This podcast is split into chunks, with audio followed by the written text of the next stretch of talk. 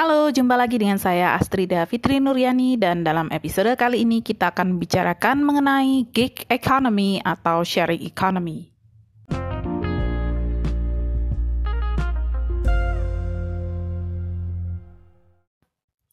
Kata gig dalam kamus Merriam-Webster didefinisikan sebagai a job usually for a specified time, especially an entertainer's engagement, atau ini adalah pekerjaan yang biasanya dilakukan dalam waktu yang spesifik atau waktu tertentu, khususnya dalam pekerjaan seorang seniman.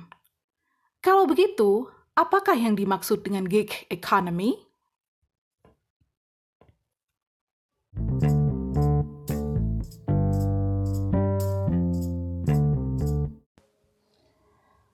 Jadi begini kisahnya. Walaupun dulu gig hanya identik dengan profesi-profesi seniman, namun pada kenyataannya sekarang tidak begitu lagi. Banyak sekali jenis pekerjaan yang dikategorikan sebagai gig work dan lingkup dari pekerjaan tersebut dikatakan sebagai gig economy. Walaupun pekerjaan-pekerjaan itu tidak ada hubungannya dengan dunia seni sama sekali, namun ini adalah fakta yang terjadi di seluruh dunia. Kalau begitu, apa yang dimaksud dengan gig economy? Sekali lagi timbul pertanyaan semacam ini.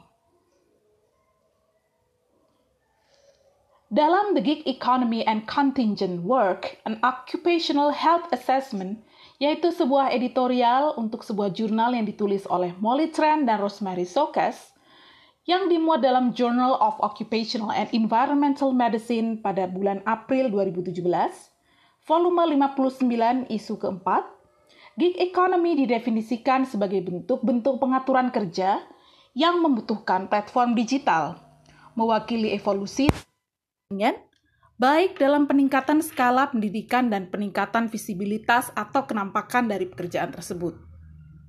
Artinya, banyak sekali hal yang dulu mungkin merupakan pekerjaan yang dilakukan secara konvensional atau bahkan tidak ada sama sekali, sekarang menjadi muncul dalam konteks gig economy banyak pekerja yang berpendidikan tinggi dan mungkin sebelumnya pernah berada dalam relasi kerja atau relasi industrial yang sifatnya adalah tradisional, namun sekarang mereka bekerja dalam lapangan kerja yang bisa dikategorikan sebagai termasuk ke dalam gig work atau pekerjaan berbasis gig, dan dengan sendirinya berada dalam konteks gig economy. Meskipun tampaknya pekerjaan ini mungkin relatif mudah bagi mereka untuk dilakukan daripada pekerjaan tradisional mereka sebelumnya, namun mereka mengalami kerentanan dari aspek ketidakadilan mengenai upah, kesalahan mereka yang diklasifikasikan sebagai pekerja yang independen, padahal mungkin mereka justru sangat rentan sebagai pekerja, lalu pekerjaan mereka juga tidak aman. Keberlangsungannya maupun terhadap keselamatan diri-diri mereka sebagai individu, dan juga mereka mengalami kurangnya perlindungan dari aspek kesehatan tenaga kerja.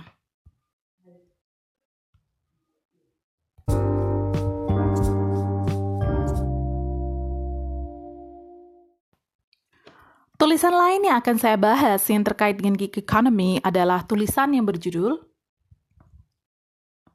The Organization and Experience of Work in the Gig Economy yang ditulis oleh Sarah Kane dan Emmanuel Josserand yang dimuat di dalam Journal of Industrial Relation yang didukung oleh Australian Labour and Employment Relations Association atau ALERA dan dipublikasikan pada tahun 2019. Persoalan yang diangkat dalam tulisan Kane dan Josserand di atas adalah bagaimana fragmentasi pekerjaan yang difasilitasi oleh model bisnis semacam gig economy ternyata telah mengurangi biaya tenaga kerja. Mengapa? Karena pekerja-pekerja yang berada dalam model bisnis macam ini dianggap sebagai kontraktor independen. Dengan kata lain, maka perusahaan-perusahaan yang mempekerjakan pekerja-pekerja dengan sistem semacam ini dapat menghindari kewajiban terkait pekerjaan. Misalnya, kewajiban memberikan asuransi dan kewajiban memberikan cuti yang berbayar. Selain itu, karena pekerjaan disegregasi atau dipisahkan, dan sangat ekstrim dari aspek fleksibilitasnya, atau dengan kata lain sangat fleksibel bagi pekerja, maka resiko ditimpakan kepada pekerja, dan salah satunya dalam bentuk tidak stabilnya pendapatan pekerja. Dan ini adalah kenyataan yang telah lama terjadi bagi banyak tenaga kerja di pasar tenaga kerja gig economy saat ini. Contohnya adalah mereka yang bekerja sebagai pengemudi atau pengantar makanan dalam aplikasi-aplikasi berbasis digital tidak ada yang menjamin kelangsungan pekerjaan mereka. Jam kerja ditentukan oleh mereka sendiri, namun demikian halnya upah mereka pun juga tidak stabil, karena yang dapat menentukan pendapatan mereka adalah seberapa lama mereka bekerja dan apakah pekerjaan tersebut kemudian dinilai memenuhi ketentuan untuk terpenuhinya, misalkan poin tertentu yang ditetapkan oleh perusahaan. Inilah contoh nyata dari bentuk gig work atau pekerjaan berbasis gig dalam sebuah model bisnis gig economy.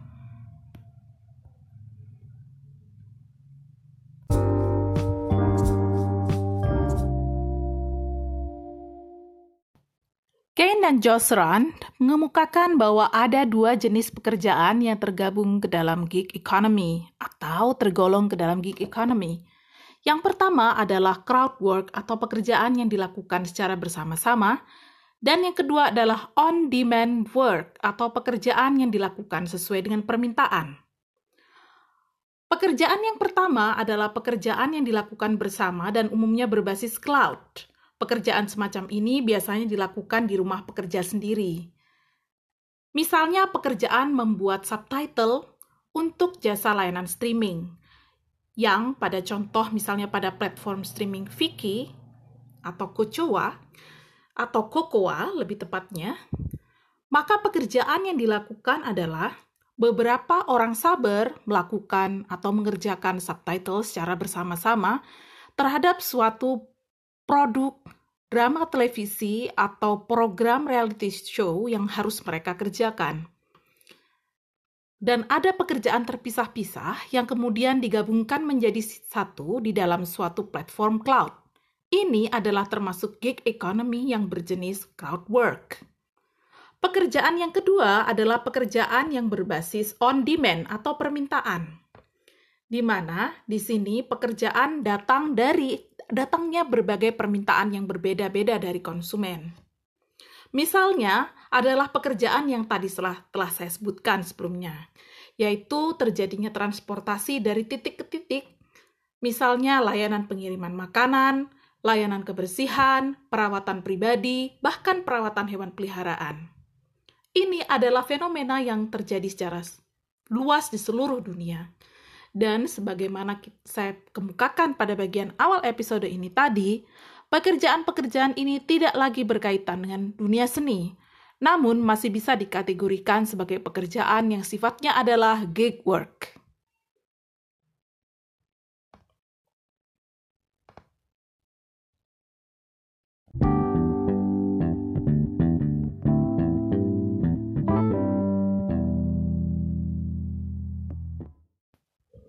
Apa sajakah dampak timbulnya gig economy terhadap kondisi hubungan industrial secara umum di suatu masyarakat? Atau tepatnya sekarang karena ini adalah fenomena global, bagaimana hal ini mempengaruhi kondisi hubungan industrial di seluruh dunia? Hal ini memang merupakan suatu perdebatan yang masih terjadi ilmiah sampai saat ini. Bagaimana kondisi pekerja dapat dilindungi dalam model bisnis gig economy? Apakah kesejahteraan mereka terlindungi atau terpenuhi? Bagaimana dengan masalah kesehatan mereka? Bagaimana dengan persoalan keselamatan mereka, baik keselamatan kerja maupun dalam aspek lainnya? Bagaimana dengan kelangsungan pekerjaan mereka? Siapakah yang menjamin kelangsungan pendapatan mereka, dan berapa lama mereka harus bekerja? Lalu, bagaimanakah dampak kemunculan pekerjaan-pekerjaan baru di bawah kerangka gig economy ini terhadap pekerjaan-pekerjaan serupa yang sebelumnya telah diwadahi dalam model-model bisnis tradisional? Hal inilah yang merupakan perdebatan yang masih terus berlangsung saat ini, baik dari aspek sosiologis, ekonomi, politik, maupun aspek-aspek lainnya termasuk aspek hukum.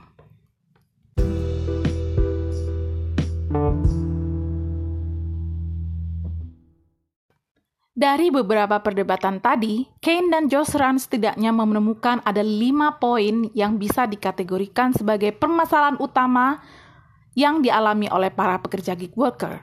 Oh ya, kalau tadi kalian berpikir saat mendengarkan episode ini bahwa gig workers itu hanyalah mereka yang bekerja di app-app berbasis digital yang melayani layanan antar, bisa dikatakan itu salah ya.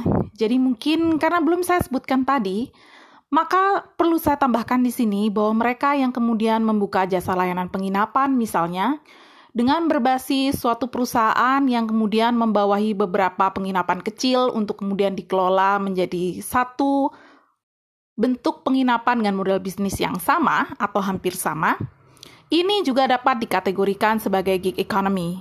Jadi kalau misalnya orang tuamu menyewakan kamar di rumahmu atau bahkan mungkin rumah mereka untuk penginapan, di bawah pengelolaan satu brand tertentu, maka ini juga dapat dikategorikan sebagai gig work dan model bisnis tersebut adalah berada di bawah model bisnis bernama gig economy tadi.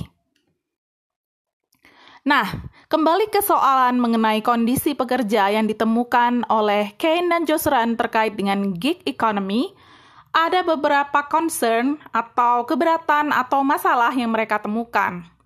Yang pertama adalah ternyata banyak ahli yang menganggap gig economy sebagai pekerjaan beresiko. Kenapa? Karena hal ini terkait dengan kondisi pekerja, syarat-syarat yang harus terpenuhi ketika mereka bekerja, masalah kontrak yang tidak jelas, masalah kuasa yang sangat besar di tangan perusahaan, dan lain-lain.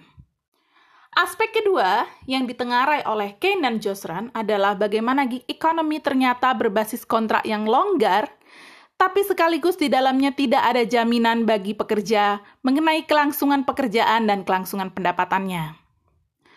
Selain itu, poin ketiga adalah gig economy dinilai menyulitkan pekerja, karena pekerja jadi tidak bisa mengatur pendapatan dan jam kerja.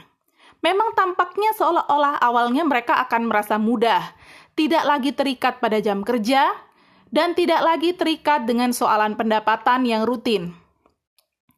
Namun di sisi lain, bagi para gig worker yang kategorinya termasuk pekerja kasar, karena memang pada dasarnya ada pula gig worker yang dibayar berdasarkan skill dan memperoleh upah yang cukup tinggi, namun pada kalangan pekerja yang kasar ini akan mengakibatkan pendapatan mereka menjadi rendah dan jam kerja mereka menjadi bertambah atau bahkan mereka harus bertambah menjalankan pekerjaan lain untuk menambah pemasukan.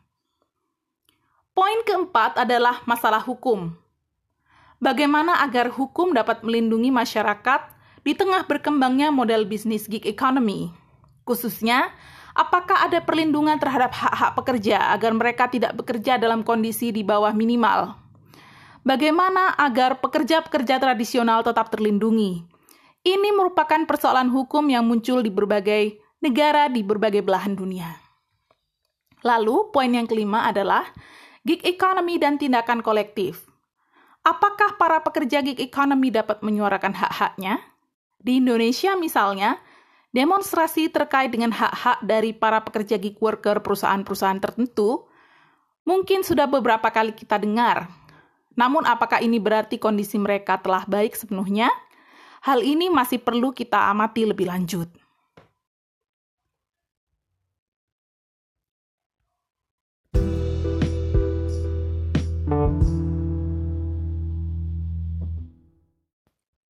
Nah, karena pada bagian awal introduksi episode ini tadi saya sudah menyebutkan juga mengenai sharing economy, lalu apa hubungannya sharing economy atau ekonomi berbagi dengan gig economy alias ekonomi pertunjukan?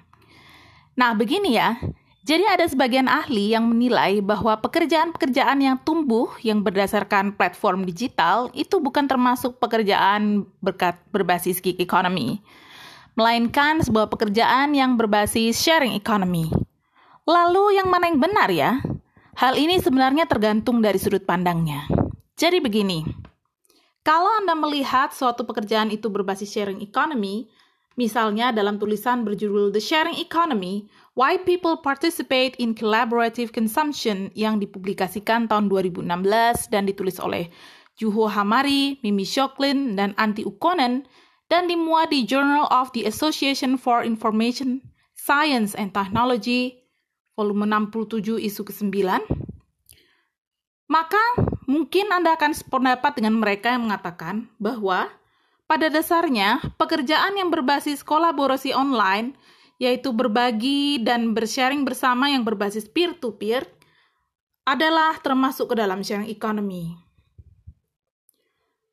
Sharing economy pertama kali tumbuh akibat kultur dari Silicon Valley. Kalau Anda belum pernah mendengarnya, ini adalah pusat pertumbuhan startup teknologi informasi yang besar di Amerika Serikat ya di mana di sana di Silicon Valley ini merupakan tempat layanan konsumsi kolaboratif yang besar di mana kolaborasi dilakukan dari aspek produksi dan konsumsi dan mereka semua berbagi informasi dan pengetahuan bersama.